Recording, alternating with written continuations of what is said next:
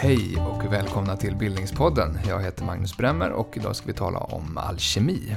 Vi har lämnat humanistiska fakulteten på Stockholms universitet och begett oss över Hagaparken till Hagströmerbiblioteket som har en stor samling av äldre vetenskaplig och medicinsk litteratur. Däribland en fin samling av alkemiska skrifter. Vad allt det här innebär ska vi prata mer om med våra två gäster. Eh, ni får presentera er själva. Jag heter Carl Mikael Edenborg disputerade 2002 med en doktorsavhandling som hette Alkemins skam. Och tio år senare skrev jag en roman som hette Alkemistens dotter. Som rätt många läste. och ibland frilansar jag som universitetslärare lite här och var. Men för det mesta så skriver jag bara. Och jag heter Hjalmar Fors och jag är docent i idé och lärdomshistoria och eh, också förste bibliotekarie här på Hagströmer biblioteket. Och eh, jag har också sysslat ganska mycket med eh, alkemins historia, men mer utifrån perspektivet vad övergången är mellan alkemi och kemi och vilka materieteorier som fanns och hur de förändrades från så att säga, den alkemiska perioden till den kemiska perioden. Och det har jag skrivit en bok om ganska nyligen som heter The Limits of Matter. Vi får anledning att återkomma till era presentationer också. Varmt välkomna till Bildningspodden. Tack så mycket. Tack, tack. Ska vi börja med uh, att förklara vad alkemi var, eller är för någonting? Mm, du enklaste frågan först. Mm. Vem vill ta den? Ja, jag kan börja. Så mm, kan du. du kan eh, komplettera. Alkemi är ju då, dels så är det ju sökandet efter att tillverka guld i en laboratoriemiljö som har pågått då i kanske åtskilliga tusen år. Men det är också eh, samlingsbeteckningen på alla former av eh, kunskap, djupare teoretisk kunskap om materien som fanns före 1700-talet. Hur menar, hur menar man då? Ja, alltså idag har vi vetenskap som, eh, som förklarar vad materien är och hur den fungerar och hur olika substanser interagerar med varandra. Och alkemi är den vetenskap som fanns om de här sakerna eh, och som i princip alla omfattade i en eller annan mening fram till åtminstone 1700, men i stora grupper också en, en period efteråt. Vill du lägga till något, Carl Mikael? Ja, man kan specificera om man vill. Eh, jag brukar tänka att, att när vi pratar om alkemi så pratar vi om europeisk alkemi. Någonting som kanske skapas någon gång på 1100-talet mm. med den europeiska civilisationen. Och de, den i sin tur hade liksom inflöden från två olika håll. Dels den antika grekiska, Alexandria, och dels den eh, asiatiska, indiska, kinesiska. Och de där två grenarna hade som varsin huvudintresse. Den antika var intresserad av metaller och göra guld och den asiatiska var intresserad av evigt liv. Och när de två förenades av araberna som sen i sin tur förslade vidare till Europa så knöts där, de där två ihop. Mm. Jakten på evigt liv, fullkomlig hälsa och oändlig rikedom. Mm. Förvandling. Inte illa. Nej, det är en härlig idé och en härlig dröm som mm. är väldigt lätt att, så att säga, fastna i och som har varit, haft en rätt hypnotisk påverkan på väldigt många som mm. har dragits in i den sfären. Går det att säga, alltså när var, när var alkemins guldålder och var kanske man ska säga? Mellan 1500 till 1800 kanske?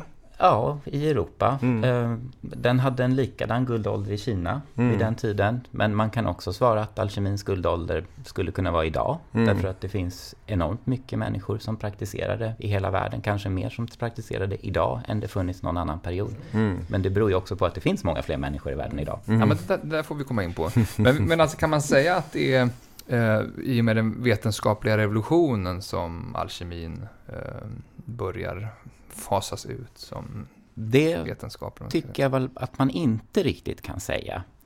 Utan eh, för att den vetenskapliga revolutionen brukar vi ju lägga på 15 och 1600-talet. Och det är framförallt under 1700-talet som alkemin så att säga försvinner som en syssla som man ägnar sig åt i stat stat, statsapparaten vid universitet och så vidare. Men den minskar ju inte egentligen eh, i andra områden, utan den finns ju kvar eh, vid hoven.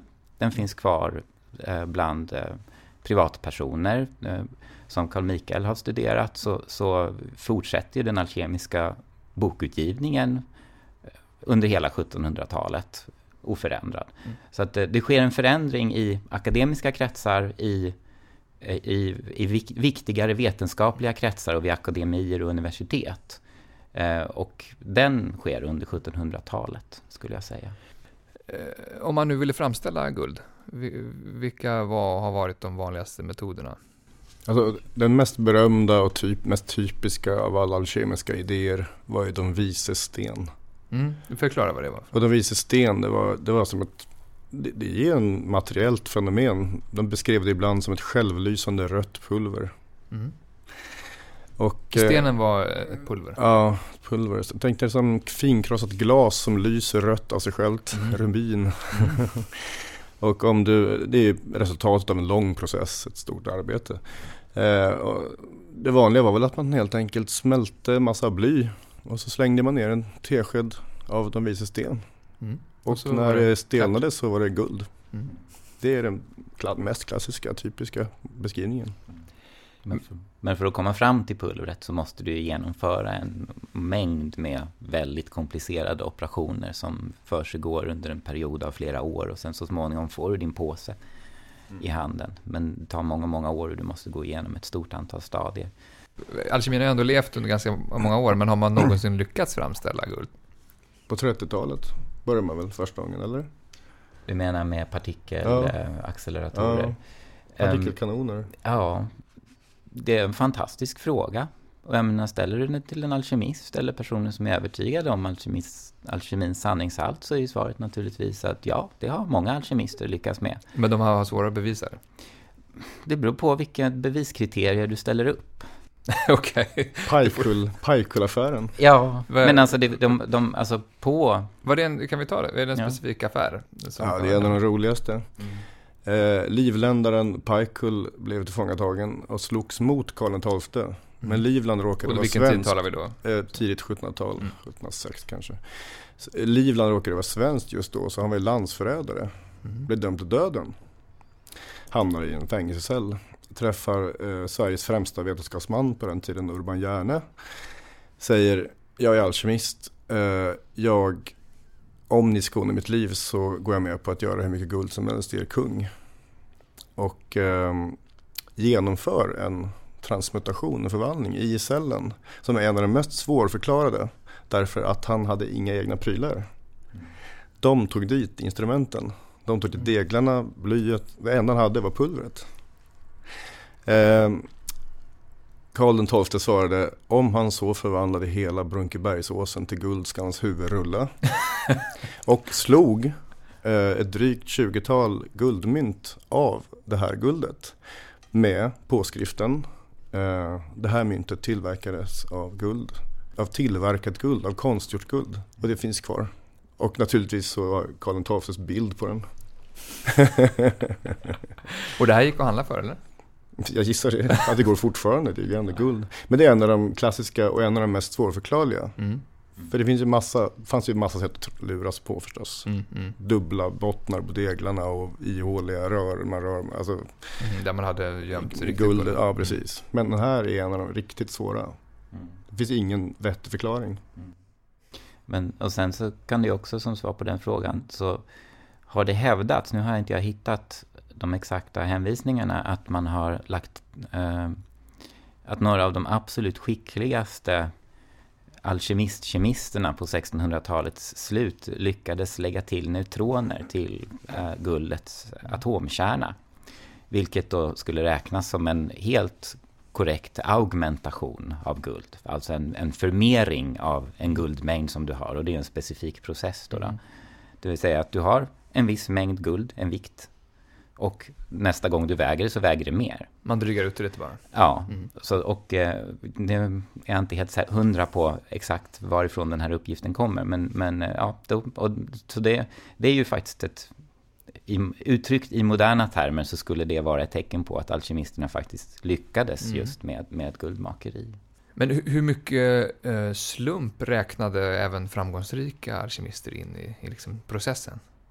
Man, skulle man ha full kontroll över guldskapandet? N nej, nej, men de räknade in Gud. Mm. Väldigt viktig distinktion när vi pratar om den här ja. perioden. Gratia Dei, alltså Guds nåd. Utan den hade du inte en chans. Mm. Ora, ora et labora, du måste bedja och arbeta. Mm. Så att slumpen är ju väldigt mycket ett modernt påfund. På den tiden kunde man prata om fortuna.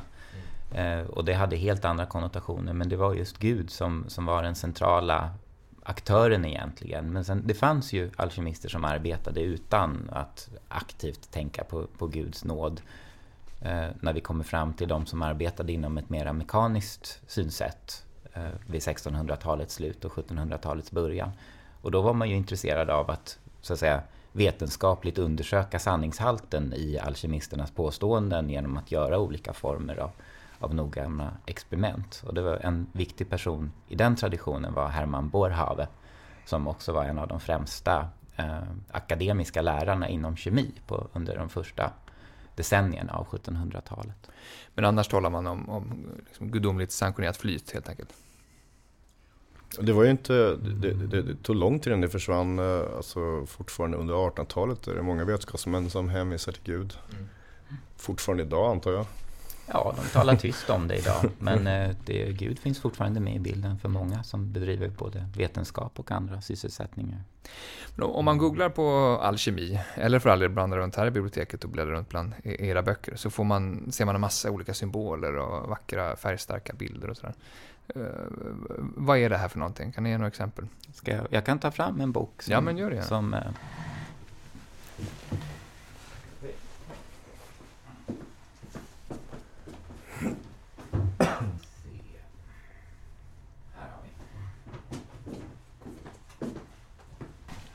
Här har vi två stycken ganska trevliga små böcker eh, från 1600-talet.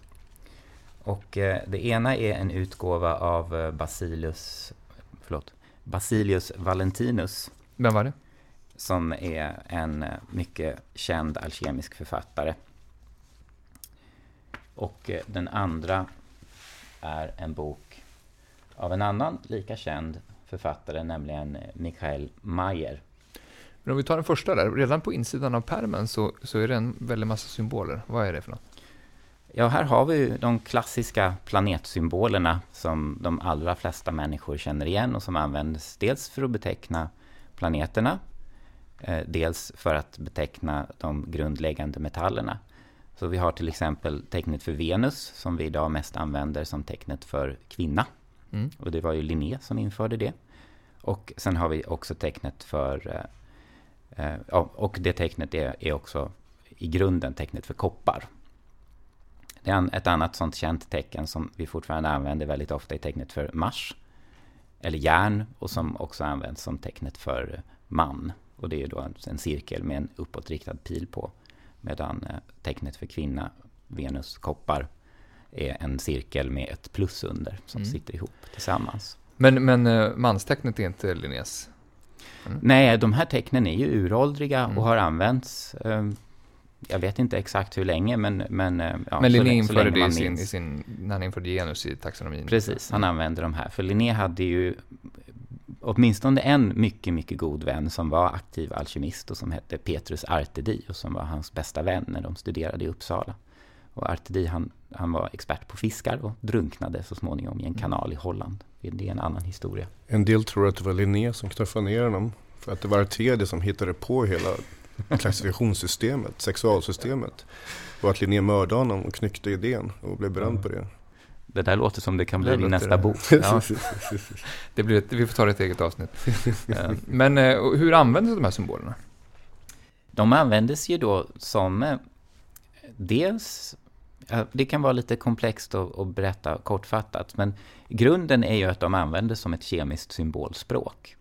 Så att eh, om man har, då vi stannar vid järn som ingrediens, så anger man tecknet för järn. Mm. Och man kan till exempel då lägga till en liten tecken, eller orden Regulus till. Och då visar Vilket man att det, att det är i metallisk form. Ja. Eh, och, eh, så det är ju grunden, men sen så bygger är man ju recept, in dem. Ja, i recept ja. Men sen kan man bygga in dem i väldigt avancerade symbolsystem där man har olika nivåer av dolda meningar inkorporerade till exempel i bilder eh, av män och kvinnor, av personer som stiger upp ur gravar eller monster som slukar solar och så Mm. vidare. Och om vi går då till den här andra boken. eh, eh, vilken var det nu? En bok av Mikael Mayer. Och Eh, när, när var den ifrån? tidigt 1600-tal. Mm. Här är en Eh, bild på en sol och en... Uh, En måne. här är någon slags påvemössa. Ja, det här är ju Hermes själv. Mm. Och han var ju lite av alkemins liksom, frontfigur. Det är den här Hermes Trismegistus. Ja. Ja. precis. Säg något kort om honom.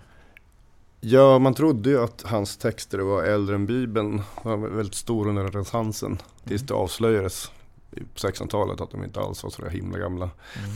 Men eh, ord som hermetisk, hermetiskt tillsluten till exempel som används. Lufttät liksom. Ja, som Mm. används fortfarande i vår tid. Det kommer ju från hans namn, Hermes helt enkelt. Eh, Ja, Och det vad- betyder hemlighetsfull, tillsluten, tystnad liksom. Mm. Eh, gåtfull, mysterisk. Mm. Ja, precis. Men var, var och när levde han? Ja, han fanns ju aldrig då. Nej, riktigt. o- nej okej. Han är- Men texterna skrevs på 300-talet. Jag tror att texterna... Ja, ja, Ja, okej. Mm. Men man trodde länge att de var äldre än Bibeln, eller än Gamla Testamentet. Så det var en stor grej liksom. Och, och, men hur kom de till? Vem, vem skrev dem? Ja, det var en, en religiös skola helt enkelt. Mm. Senantik religiös skola. Mm. Som blandade ihop lite av varje. Men den, den klassiska slogan som de hade är Det som är ovan är likt det som är nedan. Mikro och makrokosmos-idén. Mhm. Att det lilla motsvarar det stora. Mm. Det är en ihärdig, Mm. en, en, en, seglivad Mm. företeelse. Men det kommer från hans ja. skrift, skrifter. Och- Men så att hela alkemins, eh, en stor del av alkemins bakgrund här bygger alltså på en myt.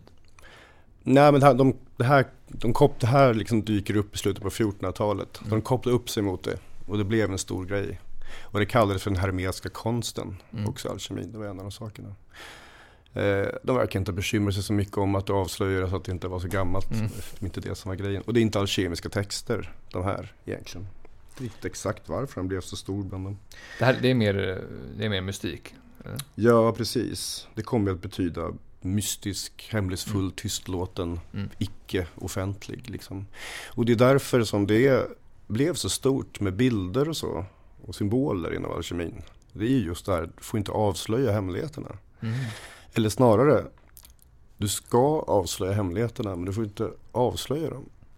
Du måste förmedla hemligheterna utan att avslöja dem. Den paradoxen skapar ju ett visst särskilt form av språk helt enkelt. Ett symboliskt språk. Och Mikael Mayer är ju berömd för att han till och med skrev musik. Som skulle förmedla Ja, alltså alkemisk musik. Mm. Och, eh, så via den musiken skulle man få nyckeln till eh, Ja, bland sten och ja. kunna framställa guld. Ja. Mm. Så man kan säga att eh, alkemisternas eh, sätt att kommunicera var ju så här ett totalkonstverk. Föregångaren till Wagner. Mm. Men den här bilden då, ska den kommunicera något sånt? Eller? Ja, det här är väldigt klassiskt. Solen och månen. Eh, Alkemin, typisk dualistisk världsbild.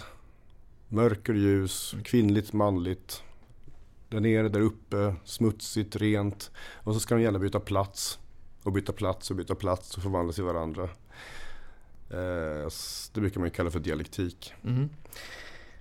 Men hur viktigt har det här, hur, viktigt har, har, har det hermetiska varit för, för alkemin som konst?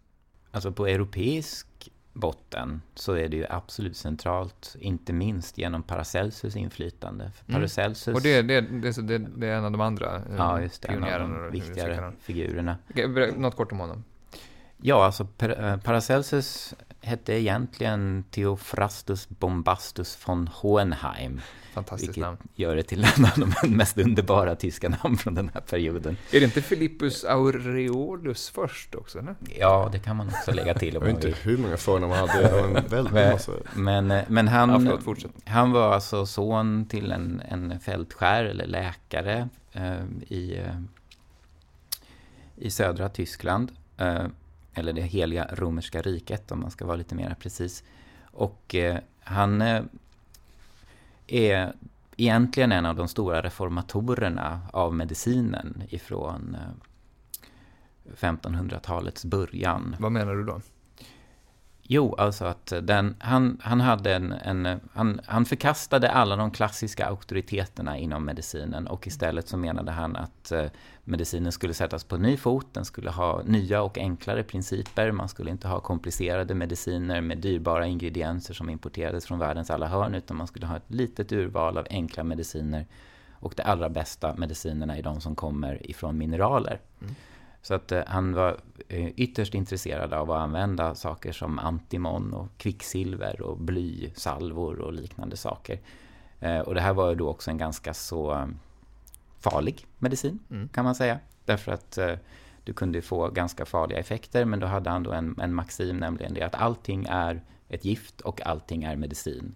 Det viktiga är att läkarens konst ska kunna avgöra hur mycket du ska ha för att få ut en god effekt. Medan om du använder för mycket eller för lite så, så sker det en katastrof. Och det är en ganska bra utgångspunkt om man då till exempel har kvicksilver som en av sina centrala Just det. Han lyckades ju bota syfilis ja. med kvicksilver. Ja. Mm. Faktiskt. Och, och, det användes väl så sent som på 1800-talet? Ja, det är 1930-talet ja, till, till och med. Så, nej, det var inte så många sjukdomar som läkare kunde bota mm. fram till slutet på 1800-talet. Mm. Men så var det också att han, att han eh, lärde sig av badskäror och kirurger. Mm. För de var föraktade, de var inte läkare eh, människor som amputerade ben, de såg som slaktare. En alltså, läkare. Badskär? Bad, alltså de följde med arméer, eller läkare. Amputerade höll på. Mm. Starrstickare. Alltså de såg som hantverkare. En läkare var en person som satt i en stol och skådade i urin mot ljus. Och det var väldigt abstrakt och teoretiskt, mm. universitetet. Och han föraktade det, Paracelsus, väldigt mycket. Du ska ut i världen, sa han. Mm. Res, han ju också. Ja, reste med arméer, mm. lärde sig, träffade gruvarbetare. Mm. Det är hans det, grej. Det är inte omöjligt att han faktiskt var närvarande i Stockholm under Stockholms blodbad. Just. Som eh, just eh, kirurg i, i eh, i danska hären. Mm. Men det, det, vet man inte säkert, men det finns en passage som tyder på att han, han säger att han har varit i, i Sverige då, då och då, då, är det här det enda sammanhanget som är troligt. Mm. Men var hans eh, alkemiska verksamhet var helt inkorporerad i, i den medicinska? Eller? Ja, han var egentligen den kemiska medicinens stora företrädare, men han, det var också inbyggt i en ganska komplett alkemisk världsbild där mm. kroppen fungerar som ett alkemiskt kärl, där olika produkter raffineras och förändras. När man då, har det mindre att göra med, då har det mindre att göra med att göra guld än just den här materiefrågan som du pratar om. Nej, därför att eh, väldigt, alltså det finns en materieteori i det paracelsiska. Men han var, eh, det har tvistats om han själv stod i laboratoriet och, och tillver, försökte eller lyckades tillverka guld. Men Hans materieteori är sån att det togs över av väldigt många som var aktivt praktiserande laboratoriealkemister på metallspåret då, mm. så att säga. Eh, och, eh, så att, det, så att det, det, finns ju en oerhört stark in, paracelsisk inriktning och det är framförallt, men inte bara, i, i, i Tyskland och i Sverige och Norden så var nästan alla paracelsister som arbetade med några undantag. Eh, men också väldigt stort i Frankrike och eh, eh, mm. inte riktigt lika stort i England men det fanns företrädare där också. Och på många andra håll också naturligtvis. Men, inte. men den här Paracelsus är ju en återkommande figur i, idé och litteraturhistorien. Sägs att Goethe baserade Faust på Paracelsus. Ja, kanske. När, när första läkarskrået bildades i Sverige, Collegium Medicum, och då, då gav ut sin första, det var Urban Hjärne tror jag, om jag minns, någonstans på 1660-talet. Så, så, deras titelblad har de ju Hermes Trismegistos och mm. Paracelsus på. Tillsammans? Ja, de är där liksom, mm. deras bilder liksom. Mm. Och det är den första svenska läkarkåren helt enkelt. Mm. Ja. Ja, det här är våra hjältar liksom. Ja, just det. Mm. Och Gurban Järne som sagt, den tidens största eh, en av de största svenska vetenskapsmännen. En, de, en av de som stoppade häxförföljelserna i Sverige. En mm. upplysningsman. Mm. Övertygad alkemist. Även han fanns i, i samlingen här väl? Ja, då, det har vi. Nu tog jag fram en bok av honom. Han, han, har, han, han sa ju också vid ett tillfälle att uh, det finns egentligen bara två stora namn att ta intryck av och det är Paracelsus och Hermes Trismegistos. Mm. Och för det mesta så håller de med varandra. Om man, om man tänker guldåldern som ni ringade in eh, tidigare, 1500-talet till 1800-talet ungefär. Vad, hur många var verksamma eh, alkemister? Går säga? Hur, hur utbrett var det här fenomenet? När jag skrev min avhandling där 2002, då gjorde jag faktiskt statistik över svenska alkemister. Mhm. Det är inte så svårt. Mm, men det gör oss en bilden. Ja, det är en bild. För att jag gjorde en sociologisk studie över vilken, eh, vilka samhällsklasser, vilka yrkesgrupper blev alkemister. Mm. Och jämförde lite grann sådär. Och det handlar ju inte om mer än ett hundratal kanske Mm. under de här 200-300 åren. Och det, som, var- det som var- fascinerade mig då var att i den tidigare fasen fram till 1700 då är det just alltså, läkare väldigt mycket. Mm. Farmaceuter och läkare som är alkemister. Medan under 1700-talet så är aristokrater, Mm. Slottsherrar, militärer. Mhm. Det är inte vetenskapsmännen längre. Och då är det, då är det man, är, man är glad amatör. Så. Ja, och där ske, har det börjat ske någon slags åtskillnad mellan amatör och professionell också. Mm. Det är svårare att vara vetenskapsman på 1700-talet plötsligt. Förut kunde man omfatta sin tids bildning och vetande. Men nu börjar det bli krångligt. Mm. Sen blir det bara värre och värre. Men, men drottning Kristina höll på med alkemi. också. Mm. Mm. Men det var inte i Sverige, det var i Rom, eller hur? Eh, Både i Sverige och i Rom, men hon var ju själv så vitt man vet inte involverad så mycket i det praktiska arbetet utan det var mer att hon under hela sitt liv eh, hade alkemister som levde hos sig och som arbetade åt henne där hon kanske mera var så att säga, projektledare om man säger Mm. så, än, än utförare. Men var hon, var hon ensam om det här som, som regent vid den här tiden? Nej, eller? nej, nej. Man skulle hålla sig med, med en Ja, ja, det, alkemist? ingick, det ingick i det, alltså, landets ära krävde att man hade ett alkemiskt laboratorium och en alkemist som arbetade åt sig. Annars så var man ju bara någon liten puttefnaskprins i ett Fast, eh, hörn av en- världen. en Utan du väldigt skulle ha ett speciell- stort och fint. Väldigt speciell sak med Kristina. Eh, eh, jag gav ut en bok eh, på mitt förlag för några år sedan som heter Kung Kristina. Eh, som handlar om att hon av allt att döma hoppades att alkemin skulle kunna hjälpa henne att byta kön. Det är ju känt att hon var någon slags transperson. Hennes självbiografi är så här, i allting utom kroppen är en man. Inleds ju hela självbiografin. Och mycket tyder på att hon hoppades att den här konsten skulle kunna få hennes kropp att ändra kön. Mm. Så det är väldigt speciellt. Men vi vet inte hur de här eventuella försöken såg ut? Eller sånt, Nej, eller? nej, nej. Om det nog gjordes försök. Det är en Men, men mycket tyder på att hon hoppades att hon ville det. Liksom. Mm. Drömde om det. Vilka andra så, sådana drömmar eller föreställningar kopplas till alkemin? Det finns ju de revolutionära. Slutet på det är 1700-talet. väldigt roligt. Det är väldigt roligt. En av de mest berömda svenska alkemisterna hette August Nordenskiöld. Eh, han var Och han levde kring... Sl- ja, slutet på på 1700-talet. Han var eh, eh, Gustav IIIs hovalkemist så att säga. Mm. Fast i smyg. Mm. Ute i Drottningholm i en liten stuga långt bort. Han fick, fick inte visa sig. För, för att vid den här tiden börjar bli... Ja, då börjar det bli lite, lite för mycket ja, vidskepelse och Vi ska och- återkomma till det, men Ja. berätta först. Men eh, vad han inte berättade för kungen var att han, vad han eh, verkligen ville göra var att göra så mycket guld så att inflationen skulle förstöra hela kapitalismen. Det var ju hans uttalade eh, som han skrev om sen. Det var ju liksom det han ville. Mhm. Det berättade jag inte för kungen förstås. Nej, det är klart. Nej, men det var vad han hoppades på. Ja, ja. Han tyckte att penningsystemet korrumperade mänskligheten. Och göra så mycket guld så att penningen får allt sitt värde. Mm. Ett nytt samhälle.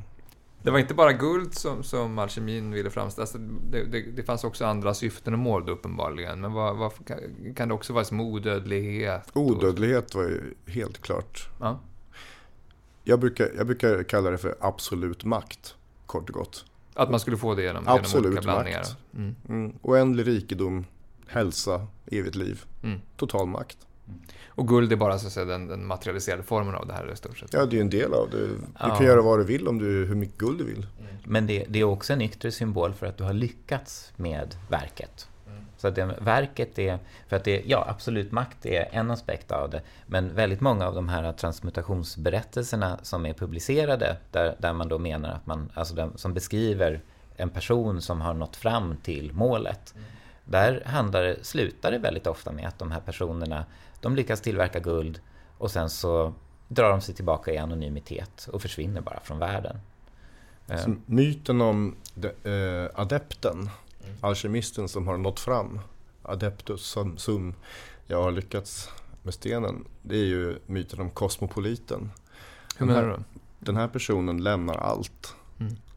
Lämnar sin personlighet, lämnar sin familj, lämnar sin plats och vandrar över världen mm. och gör gott. Mm. Total makt låter lite neggigt på något sätt. Men det kan också vara en dröm om absolut frihet. Mm. Lämna allt. Helt, totalt oberoende. Och göra gott, helst.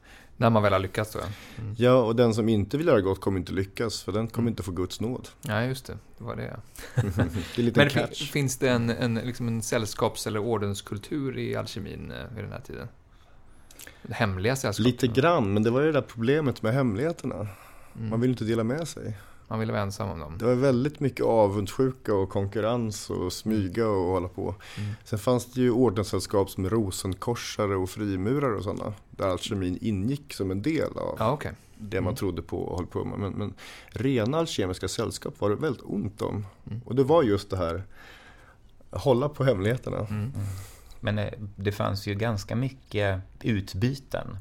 Mellan alkemister. Mm. För att man, kom, man korresponderade med varandra i brevform, man gick i lära hos varandra och det är ju en av, en av sakerna som, som många av de här texterna är tydliga med är att man inte lär sig det genom att läsa i böcker utan man behöver introduceras till, in i konsten av en mästare som redan kan den.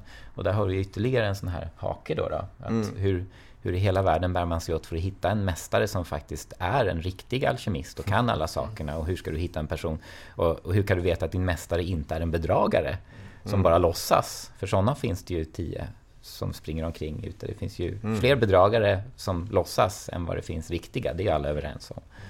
Den klassiska offentliga bilden av alkemisten ända sedan 1300-talet eh, det är ju att det är en bedragare, en lurendrejare. Ja, det är det. Ja. Den, är, den bilden är så gammal. Ja. Mm. Human, även när det är under alkemins Ja, även då Human's Tale, eh, vad heter han, engelsmannen? Chaucer. Chaucers Human's Tale, 1300-tals dikt liksom. Alkemisten är ju bara en mm. bedragare, mm. rakt av. Den bilden, den, den tillhör den här idén om alkemins skam. Mm. Att det är något pinsamt liksom. Ja, men eh, apropå det, din uh, avhandling Alkemins skam mm. som du nämnde tidigare. Uh, vad, vad, var det skamfyllda? Ja, de var helt enkelt löjliga. Mm. Som trodde på något så dumt. Uh, och det jag kom fram till när jag skrev, jag forskade inför avhandlingen var ju att det var ju inte kemin fantastiska framsteg som gjorde att allt alkemin försvann. Därför att kemin hade ju liksom inte riktigt lyckats komma fram med en ny teori då. Mm. Det är med Lavoisier på 1790-talet och sen in på 1800-talet grundämnesidéerna kommer som det börjar bli riktigt så svårt för alkemin att argumentera för sin sak. Mm. Och det, det... utstötningen sker tidigare. Ah, okay. det, är liksom inte, det var inte det, det var inte vetenskapliga argument. Så skammen är äldre än så säga, utfasningen av alkemin? Ja, alltså skammen är äldre än de vetenskapliga argumenten mot alkemin. Mm. Det, det, och det, det stämmer, håller jag med om också. Att det, det finns ett... Eh, alltså processen sätter igång och det handlar i själva verket, skulle jag säga, med ett lite annat perspektiv om att eh, det finns en eh, institutionalisering som pågår där kemin definieras som en nyttig samhällsvetenskap under 1700-talet. Och den processen när kemin omvandlas till en, en slags tjänare åt industrin och statsapparaten den nya kemin den har ingen som helst nytta av de här alkemiska konnotationerna med, med vilda drömmar, kosmopoliter, tillverkande av guld och så vidare. Utan det här är så att säga ett skamligt arv som, som man helst av allt vill bara kapa av. Och, då, och i och med det så får du den här uppdelningen som sker, skulle jag säga, ganska precis från 1710 till 30-talet. Där det som förut var en förenad enhetlig tradition, nämligen kemi och alkemi tillsammans, Eh, och där man inte kan skilja folk som praktiserar de här två sakerna från varandra. Det delar man upp väldigt precis under den här perioden. Och då får man alkemister som man då gradvis definierar som galna knäppjökar och kemister som du definierar gradvis som nyttiga samhällsmedborgare.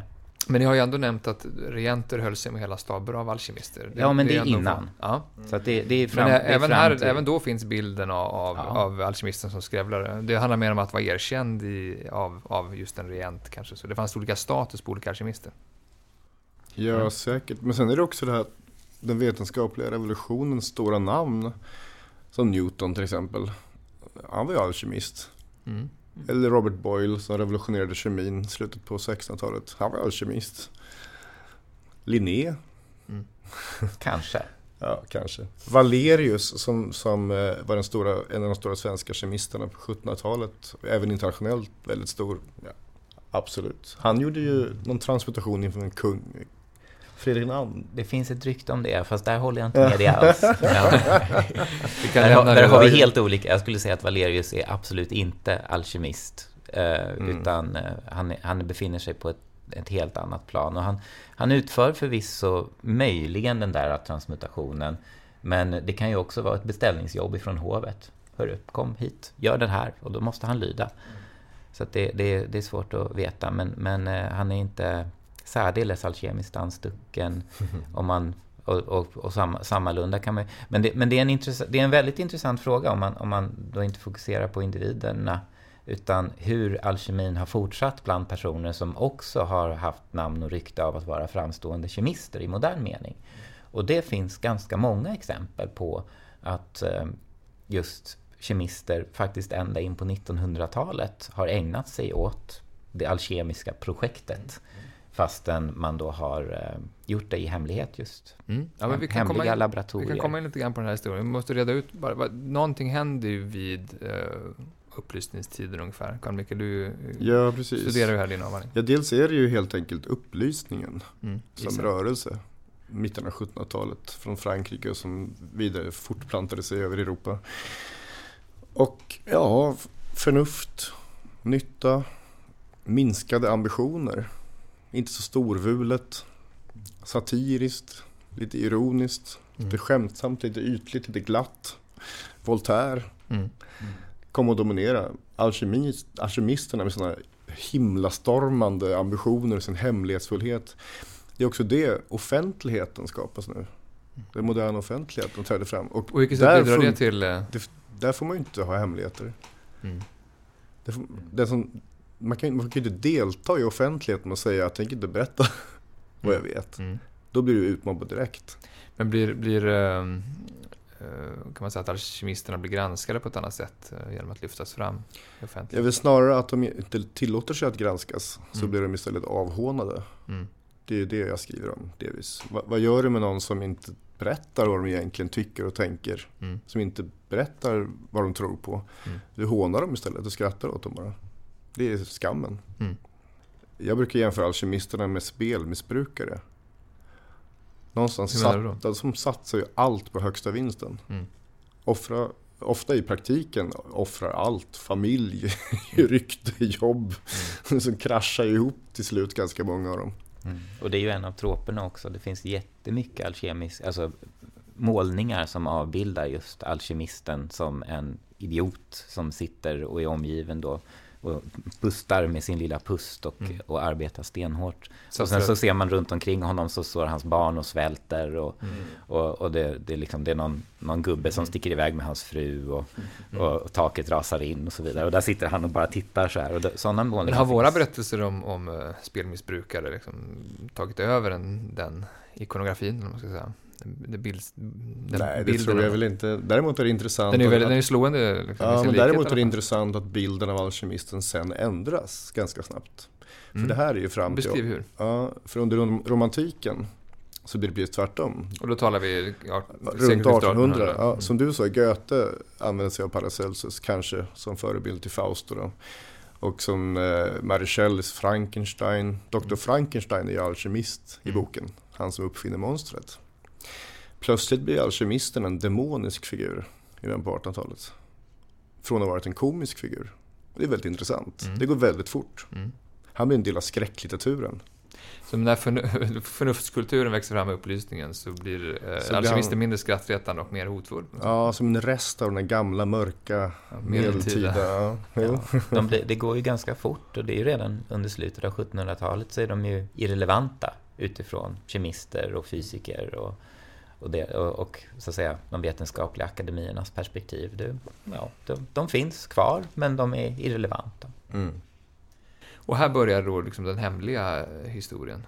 Alkemins eh, plats i, i dunkla vrår. Det fanns, alltså det fanns ju, eh, om man ska använda ett freudianskt begrepp, så finns det en latensperiod.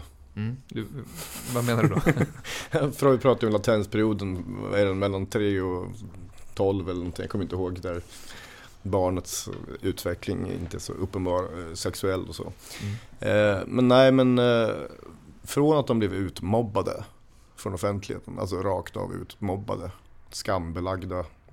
Säg att det, den process som pågår mellan 1750-60 fram till 1790 ungefär. Mm. Upplysningsperioden helt enkelt. Så är det liksom tyst. Och jag trodde ju, alltså min eh, ursprungliga titel på avhandlingen var ju Alkemins död. Mm. För jag tänkte att nu, ja det tar det väl slut då. Mm. Men så ja, satt jag vid arkiven liksom och hittade bara fler och fler manuskript. Och inser att, jaha, de slutade delta i offentligheten. De återgick till handskrifter och brev. Men de kanske var lika många. Mm. Men det finns, det finns en till aspekt av det där också som man kan utreda lite. Och det är att offentligheten fanns ju knappt uh, innan 1700-talet. Den växer fram på 1700-talet. Uh, och det är ju, så att det är ju snarare så att alkemisterna... Man har någonting att vara hemlig de, i förhållande nej, till. De börjar aldrig delta. Nej. Så att de finns ju kvar utanför. De, de lever vidare i det spår som de har haft hela tiden. Alltså kungligt patronage, amatörer, böcker, böcker mm. tryckta böcker, mm. manuskript, eh, korrespondansnätverk, eh, samarbeten som går över hela Europas kontinent och så vidare. Och de fortsätter ju i de spåren, men de, blir, de hoppar aldrig på tåget att bli en del av när vetenskapen växer och institutionaliseras, när offentligheten växer fram och det skapas tidningar och så vidare. De, så det, det är någon, det, man kan tänka sig att offentligheten växer liksom fram som en ballong, mm. men alkemisterna blir aldrig en del av det, utan fortsätter ute i marginalen. Men som företeelse så finns det en perfekt kontinuitet. Men de får liksom aldrig, de blir inte inbjudna i samtalet mm. och lyckas heller inte hitta en väg in i samtalet. Men däremot kemisterna, de befinner sig precis mitt i mittfåran. Och det är där den här kemisternas avståndstagande ifrån alkemin är ganska betydelsefullt. Mm. Därför att de, de kapar av. Mm. Eh, och, och, och, det är också väldigt viktigt att komma ihåg att det de kapar av, det är ju... De tar en bit av alkemin.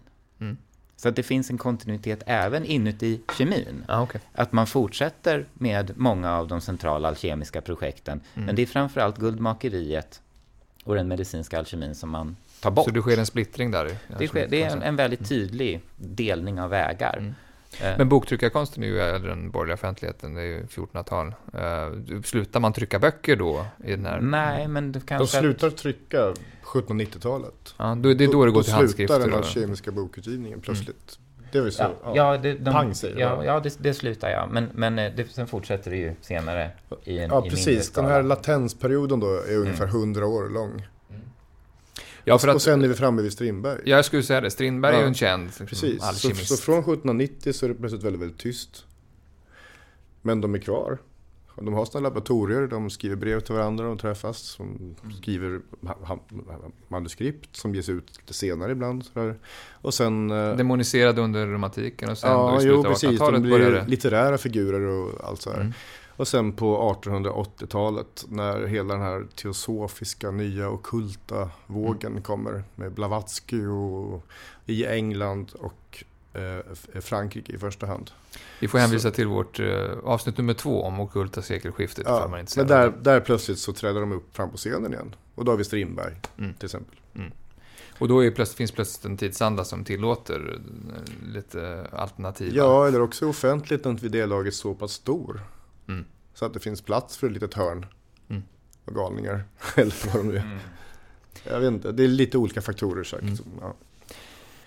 Men, men fanns det moderna tekniska framsteg som gjorde att, att alkemisterna fick nytt hopp? Alltså. Ja, alltså varje nytt eh, tekniskt framsteg inom fysik och kemi leder ju till förändringar även för hur alkemister formulerar sitt projekt. Mm.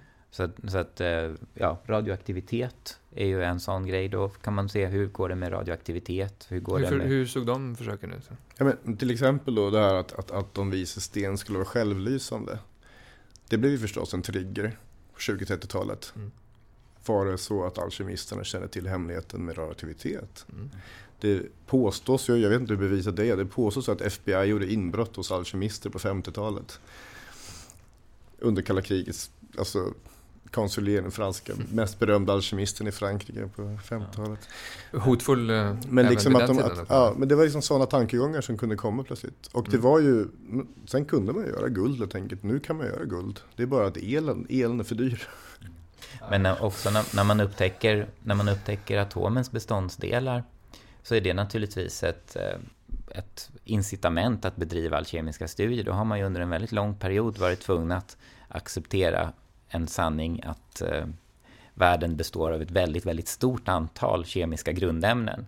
Och sen när man då slipper ha den teorin, att det är det, de kemiska grundämnena som är de minsta beståndsdelarna, då blir det naturligtvis väldigt, väldigt trevligt att tänka sig att eh, men eh, då kan vi ju ändra på atomens beståndsdelar på en alkemisk nivå.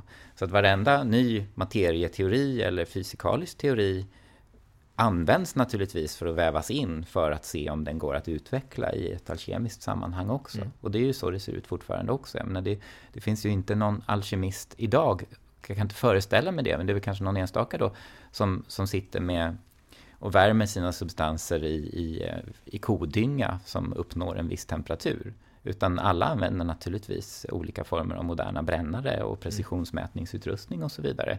Så att uh, utrustningen förändras hela tiden och teorierna förändras hela tiden. Men, men sen... målet är, är, konstant i stort sett? N när, jag skrev, eh, när jag skrev den här romanen om Alkemists dotter, då, då tog jag Higgins-partikeln. Mm. Materia-antimateria-teorin.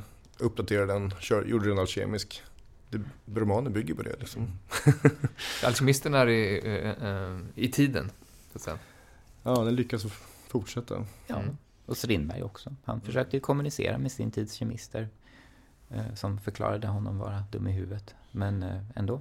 Han, det fanns en ambition att interagera och det har ju alltid mm. funnits. Liksom. Det, inte, man, det finns inte en, eller I vissa kretsar så, så är man mera renlärig så att säga. Man mm. kör old school om man säger så. Men, men jag skulle tro att de flesta alkemister vill ändå interagera med naturvetenskapen och använda de senaste nyheterna för att förbättra sin konst. Var Strindbergs problem att han, att han hade föråldrad teknik?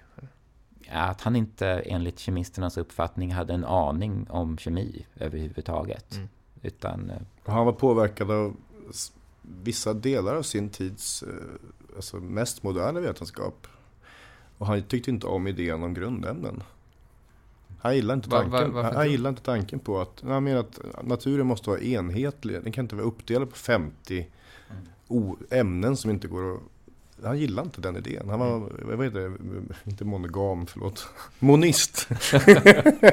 han var monist som Häckel. Och det betyder alltså? Ja, att naturen är ett och mm. odelbar. Det finns inte, den är inte delar upp i grundämnen. Men han var intresserad av sånt där som uh, korrespondenser och det här, ja, tänk, det, det hermetiska jo, tänket jo, som du pratade om tidigare. Väl mm. Eh, motsatstänkande och uh, det mystiska arvet, eller? Jo, det finns också hos honom. Med vissa paranoida inslag.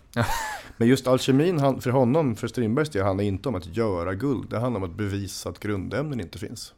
Det var målet med ja, hans ja, mm. ja, det var, och det var egentligen inte omodernt. Det var en tanke som var väldigt stor i slutet på 1800-talet. Mm. Ja, och också när, när, när man så småningom började ge sig in och undersöka så att säga, atomkärnor och så vidare. Det drogs ju en kollektiv suck av lättnad genom hela vetenskapssamfundet att man slapp ha den här otroligt komplexa teorin för vad som är naturens yttersta byggstenar. Mm. Mm. Man kunde släppa grundämnena som den yttersta kategorin som, till, som naturen kunde delas in i och istället hitta någonting som var mer enhetligt och färre så att säga, mm. enheter. Mm. Så att alla blev lyckliga när de slapp grundämnen som, mm. som just... Eh, så Strindberg var lite av en pionjär på det sättet?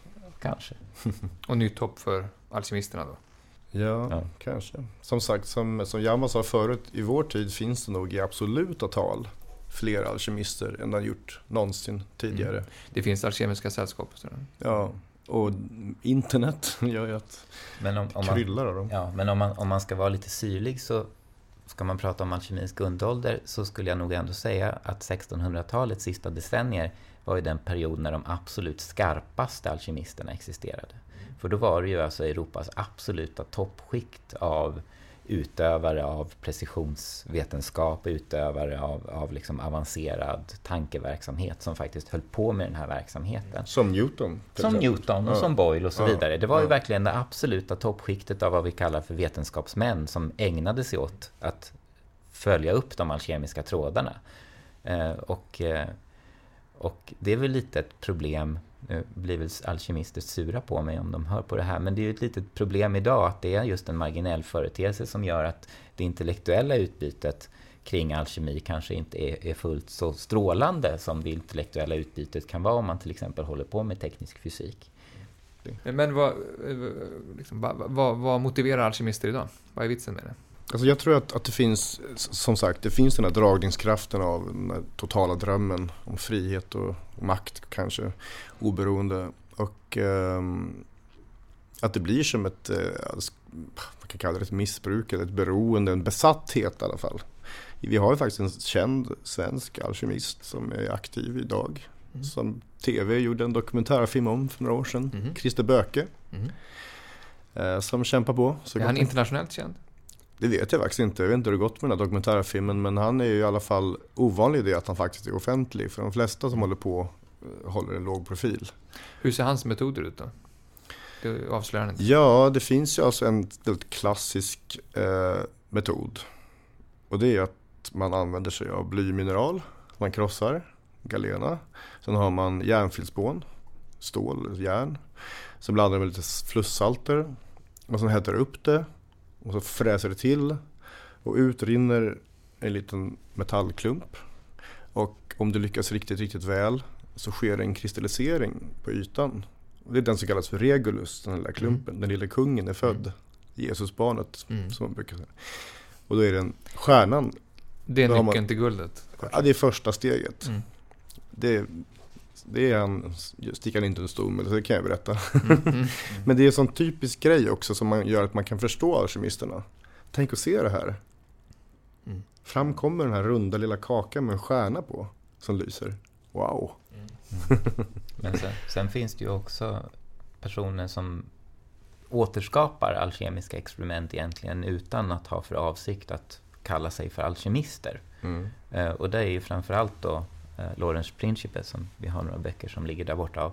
Det är en akademiker? Ja, han är professor i både vetenskapshistoria och i kemi på Johns Hopkins universitetet i, i, i Baltimore.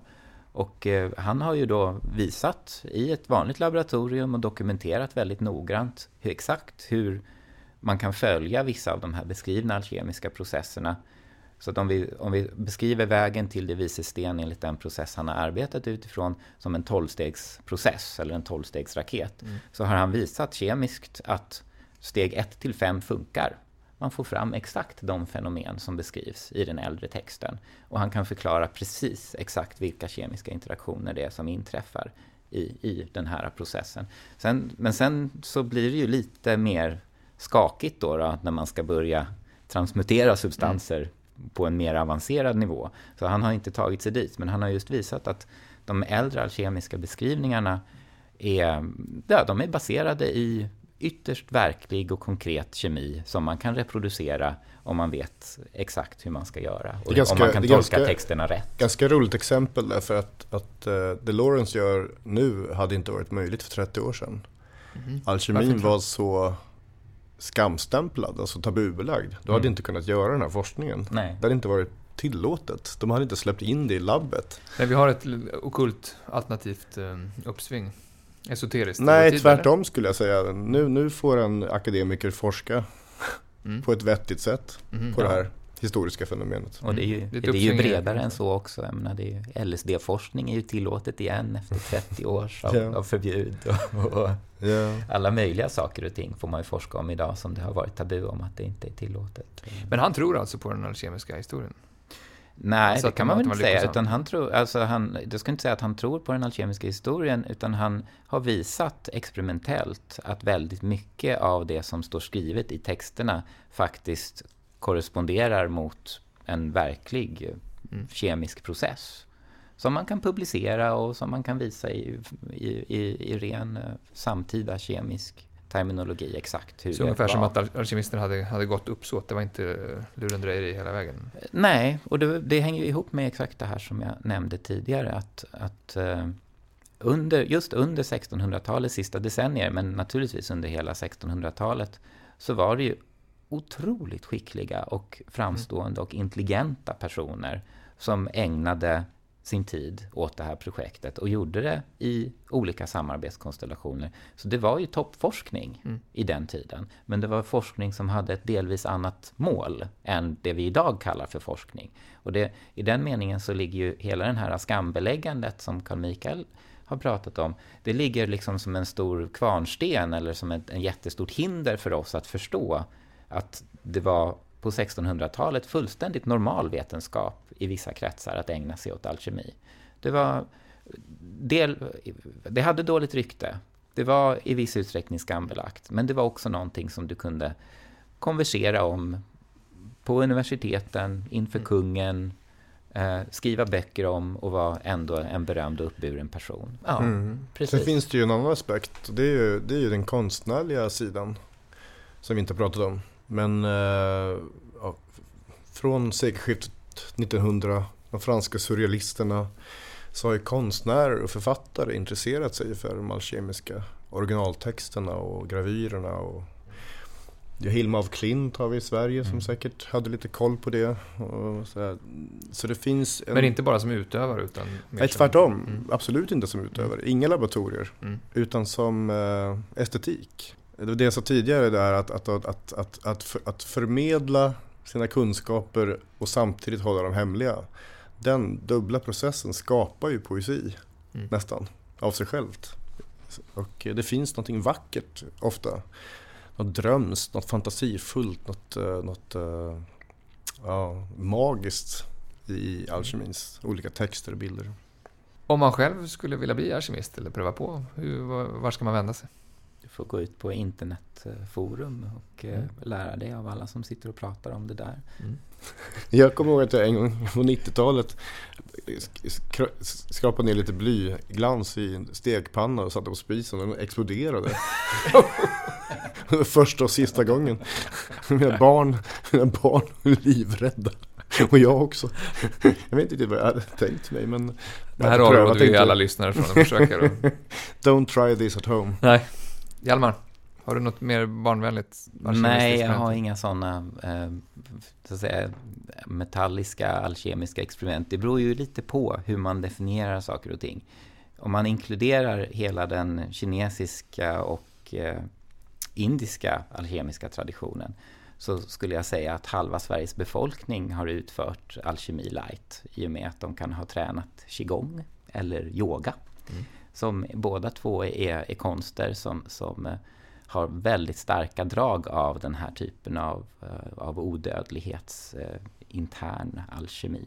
Transformera kroppen på, på något Och, sätt. och om, så att om vi, om vi inkluderar, om vi inkluderar qigong och tai chi i det hela så, så gjorde jag alkemi senast när jag var på min tai chi-lektion i måndags. Tack Hjalmar Fors och Carl Mikael Edenborg för att ni ville vara med. Och ni kan som vanligt gå in på bildningspodden.se och eh, först och främst läsa mer om Hagströmbiblioteket vid Karolinska institutet där vi har spelat in från idag. Och eh, lyssna på tidigare avsnitt. Följ oss gärna också i sociala medier för all framtida eh, nyheter. Tack för idag. Hej! Du har lyssnat på Bildningspodden, en podcast från humanistiska fakulteten vid Stockholms universitet. Producerad av Magnus Bremmer och Claes Ekman. Podden spelas in på Språkstudion och tekniker är Henrik Nordgren.